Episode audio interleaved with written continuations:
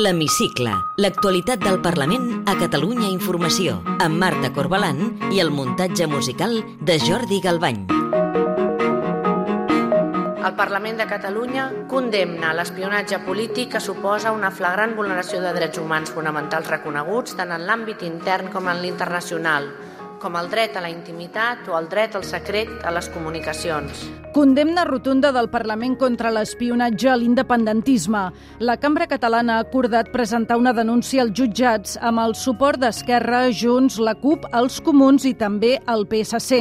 Els socialistes, però, han fet equilibris. Han donat suport a la denúncia i, en canvi, s'han desmarcat de la declaració institucional de condemna perquè la trobaven molt esbiaixada cap a les tesis independentistes.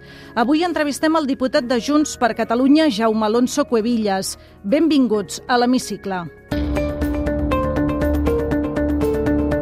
El cas d'espionatge massiu a l'independentisme ha obert una de les crisis de confiança més profundes dels últims anys entre el govern espanyol i el català. Les hostilitats s'han enfilat un esglaó més aquesta setmana quan el president de la Generalitat, Pere Aragonès, ha demanat directament la dimissió de la ministra de Defensa, Margarita Robles, després que ella reconegués que s'havia espiat líders independentistes. La ministra de Defensa hauria d'assumir responsabilitats ho ha de fer perquè el CNI estava sota la seva responsabilitat. Si no ho sabia, per incompetent. I si ho sabia, per actuar vulnerant els principis democràtics més bàsics. El líder del PSC, Salvador Illa, ha expressat plena confiança en la ministra. Comprec molt bé i empatitzo amb les persones, amb el neguit de les persones que han aparegut mencionades en aquestes informacions. Per això el meu compromís d'arribar fins al fons, però també demano que no prejutgem. I també vull dir una cosa en aquest Parlament. Conec Margarita Robles i ser del seu inequívoc compromís en defensa de l'estat de dret. Els comuns, socis del PSOE al govern espanyol, volen que s'investigui tot fins al final, però demanen prudència a l'hora d'exigir dimissions. Jessica Albiach és la presidenta del grup d'en Comú Podem. Pas a pas, primer, investigar, segon, depurar responsabilitats amb les dimissions que calguin i, en tercer lloc, també, tots els mecanismes per evitar que fets semblants se tornen a repetir. Mentrestant, Junts per Catalunya i la CUP pressionen el president aragonès perquè trenqui del tot les relacions amb el PSOE. Escoltem el diputat Albert Batet i la cupaire Eulàlia Reguant. Li volem traslladar el nostre suport per actuar amb la màxima contundència i unitat. Contundència. No es pot continuar donant suport a un govern que vulnera drets. Unitat. Cal que hi hagi conseqüències respecte a la governabilitat de l'Estat. En aquest temps, sentit, president, diputat. li demanem el president espanyol ha tocat el violí, les evasives del senyor Bolaños i del senyor Illa. I avui la, senyor, la ministra Margarita Robles reconeixent obertament que ens espiaven. Se'ns pixen a sobre i ens diuen que plou. A l'altre extrem, Vox, el Partit Popular i Ciutadans veuen justificat l'espionatge.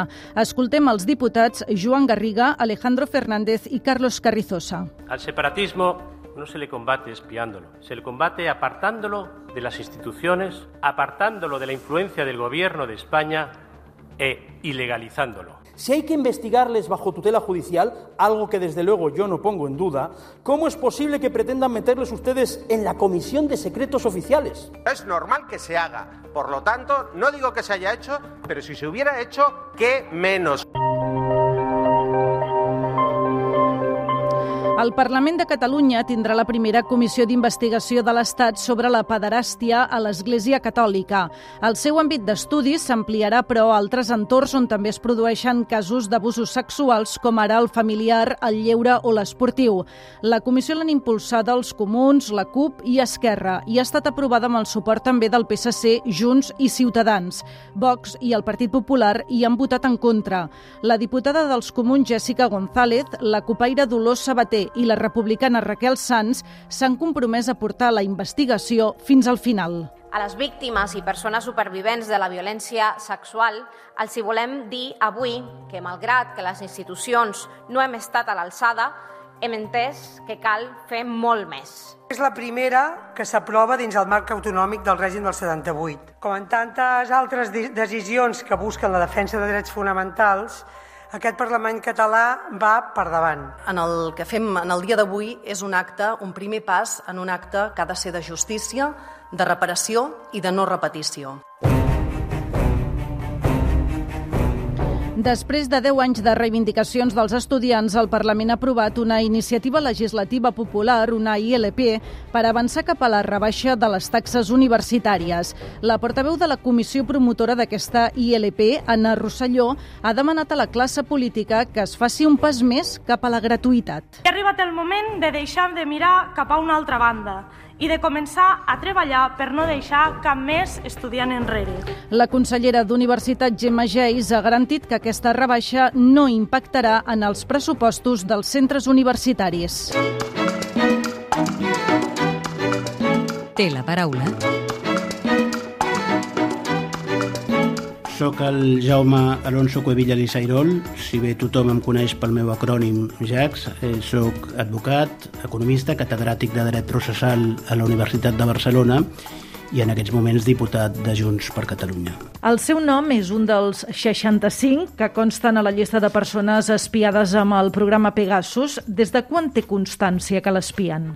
Constància de fa poquet, quan des de Citizen Lab van contactar amb mi i vam fer una sèrie de de proves forènsics al, al meu mòbil. La sospita de que m'espiaven la tinc des de fa molt de temps, des de que vaig començar a ser advocat del president Puigdemont.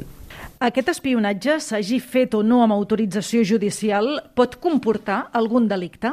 Sí, és un delicte de revelació de secrets, castigat a l'article 198 del Codi Penal, hi ha en aquests moments una batalla entre diversos ramals de les clavegueres de l'Estat i, per tant, el Poder Judicial està negant que hagi donat aquesta autorització, llavors el delicte seria claríssim i a mi em costa creure que cap magistrat hagués donat autorització per poder adentrar-se dins de... Recordem que no és només dins del mòbil, sinó que des d'aquí poden accedir a tots els dispositius, a tots els documents que tinc al núvol, perquè estan connectats amb el mòbil, a totes les estratègies de defensa, les defenses de, de les euroordres. Dubto, per tant, que un magistrat hagués eh, consentit eh, fer aquesta intromissió amb el cas d'un advocat. Vostè, a banda de diputat al Parlament de Catalunya, com deia, més advocat, s'ha fet càrrec de la defensa del president Carles Puigdemont.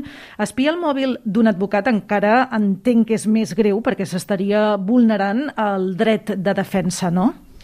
És de les línies vermelles més greus que es poden traspassar. Afecta el dret de defensa, genera una indefensió, és evident com deia, jo he estat mm, defensant el president Puigdemont en les diverses euroordres, eh, també el conseller Puig, a la consellera Ponsatí inicialment, i per tant han pogut tenir accés a tota la documentació que ens anàvem intercanviant amb els lletrats d'altres països per preparar aquesta, eh, els documents de defensa que vam utilitzar allà. Si s'hagués comès aquest delicte, el de vulneració del dret de defensa, els tribunals europeus podrien acabar declarant nula la sentència del procés o és un escenari molt, molt improbable? Jo crec que la sentència del procés acabarà sent declarada nula no només per això, que ja seria causa suficient, sinó per tots els arguments contundents que s'han eh, al·legat als recursos, que en definitiva estan també recollits a l'informe Cilèvic del Consell d'Europa. Aquest cas d'espionatge doncs, serà també un dels arguments a afegir-hi en la defensa. Sí, Espanya no respecta els drets fonamentals o el Deep State espanyol no respecta els drets fonamentals. Eh, a Espanya se li dona poca importància, però en àmbits internacionals, òbviament, se li dona moltíssima importància. A nivell polític, quines conseqüències creu que hauria de comportar aquest cas? Dimissions o cessaments. Mm, és a dir, si algun membre del govern ha autoritzat aquests, aquest espionatge massiu, sigui els serveis secrets, sigui a qualsevol cos policial, té una responsabilitat que fins i tot s'adentra al terreny penal, una responsabilitat per complicitat amb la comissió d'un delicte i, i d'un delicte de, eh, del 198 que deia abans i de malversació i si no en tenien coneixement llavors han de dimitir per una negligència absoluta. No pot ser que hi hagin serveis secrets, que hi hagin eh, agents de l'Estat actuant per lliure sense cap control polític. Deixem de banda, si li sembla l'anomenat Catalangate, i permeti'm ara una pregunta sobre el futur judicial de Carles Puigdemont. La resposta a les euroordres és clau en la batalla europea. Creu que l'independentisme guanyarà aquesta batalla i que Puigdemont podrà tornar aviat a Catalunya?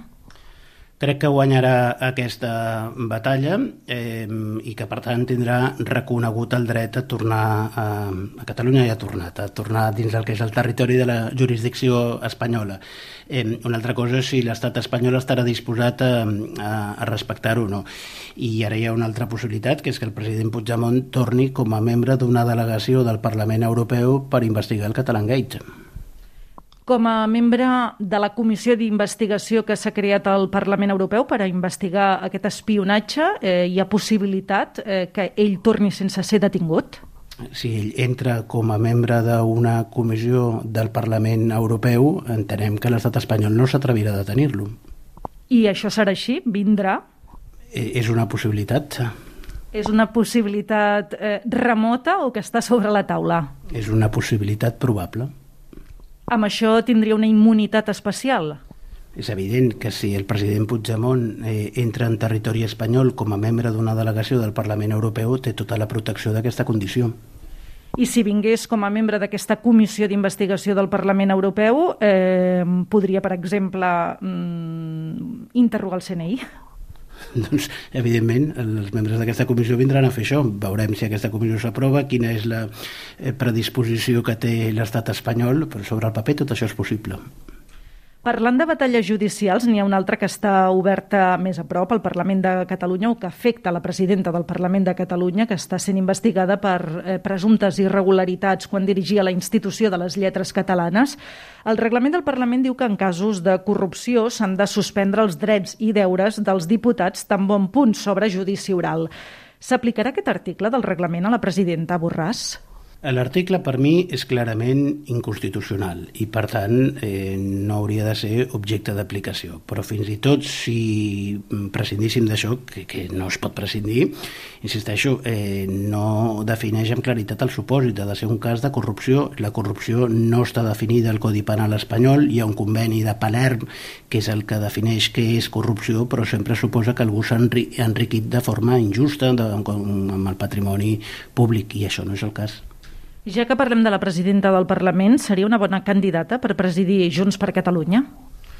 Sí, per presidir Junts per Catalunya o per ser la secretària general, per liderar el partit. Jo crec que és la figura més eh, forta del nostre, del nostre moviment i amb els nostres estatuts la, la figura forta organitzativament és el secretari general. Fins avui, com que el president era el president Puigdemont, ningú s'ha qüestionat quin paper estatutari juga un i un altre, però la figura veritablement rellevant és la del secretari general. Creu que Puigdemont eh, deixarà la presidència del partit? Bé, això li correspon dir-ho eh, amb ell, però de fet el president és visible que mm, està molt centrat amb el Consell per la República i de fet en aquests darrers setmanes hem vist posicionaments del Consell per la República bastant distants, per cert, del posicionament oficial de Junts. Creu que farien un bon tàndem Jordi Turull i Laura Borràs per dirigir Junts? Tant un com l'altre són actius molt importants del nostre moviment i per tant sí, faríem un bon tàndem però està per veure quina, quin és el paper que mm, assumeix cadascú. Si li sembla bé, ens endinsem ara en el terreny més personal i li demano si pot contestar amb respostes tan breus com sigui possible. Per què va decidir entrar a la política? A mi em van venir a buscar com a advocat sense que milités ni hagués militat mai al lloc, gairebé ni coneixia la majoria dels polítics eh, els que vaig començar a defensar, que inicialment eren tant els de Junts com els d'Esquerra Republicana de, de Catalunya. En un primer moment vaig dir que no i em va acabar convencent en Lluís Llach. Amb quin diputat o diputada que no sigui del seu grup compartiria una sobretaula distesa? Mm, per exemple, la, la Najat Drigoix, d'Esquerra Republicana, és una, una diputada que, mm, amb la que comparteixo molt sovint estones de, de cafè, eh? o, mm, bé, amb ella segurament, sí. Quina injustícia social l'enerva més? Eh, sempre que hi ha una posició de força abusant d'algú que és més feble. Té algun paisatge favorit? El, la Costa Brava vista des del mar. Té alguna mania confessable? Manies moltes, eh? confessables eh, sí també, perquè entre altres coses el CNI ja n'és conscient i per tant les poden divulgar en qualsevol moment La gent que ha treballat amb mi m'acusa de ser excessivament perfeccionista i això de vegades és un problema. Eh? Per exemple, quan em passen un escrit per corregir, si veig que queden dos espais entre dos paraules, ho detecto i ho faig corregir. Eh? Això paralitza de vegades una mica l'eficàcia. I ja per acabar, completi la frase següent. El que més m'agradaria del món és... Veure créixer els meus fills en un país lliure i just. Jaume Alonso Cuevillas, diputat de Junts per Catalunya al Parlament, gràcies per atendre'ns a l'hemicicle de Catalunya Informació. A vosaltres, moltes gràcies. Podeu tornar a escoltar l'hemicicle al web catradio.cat barra hemicicle o al podcast del programa i seguir l'actualitat del Parlament al perfil de Twitter arroba L-hemicicle.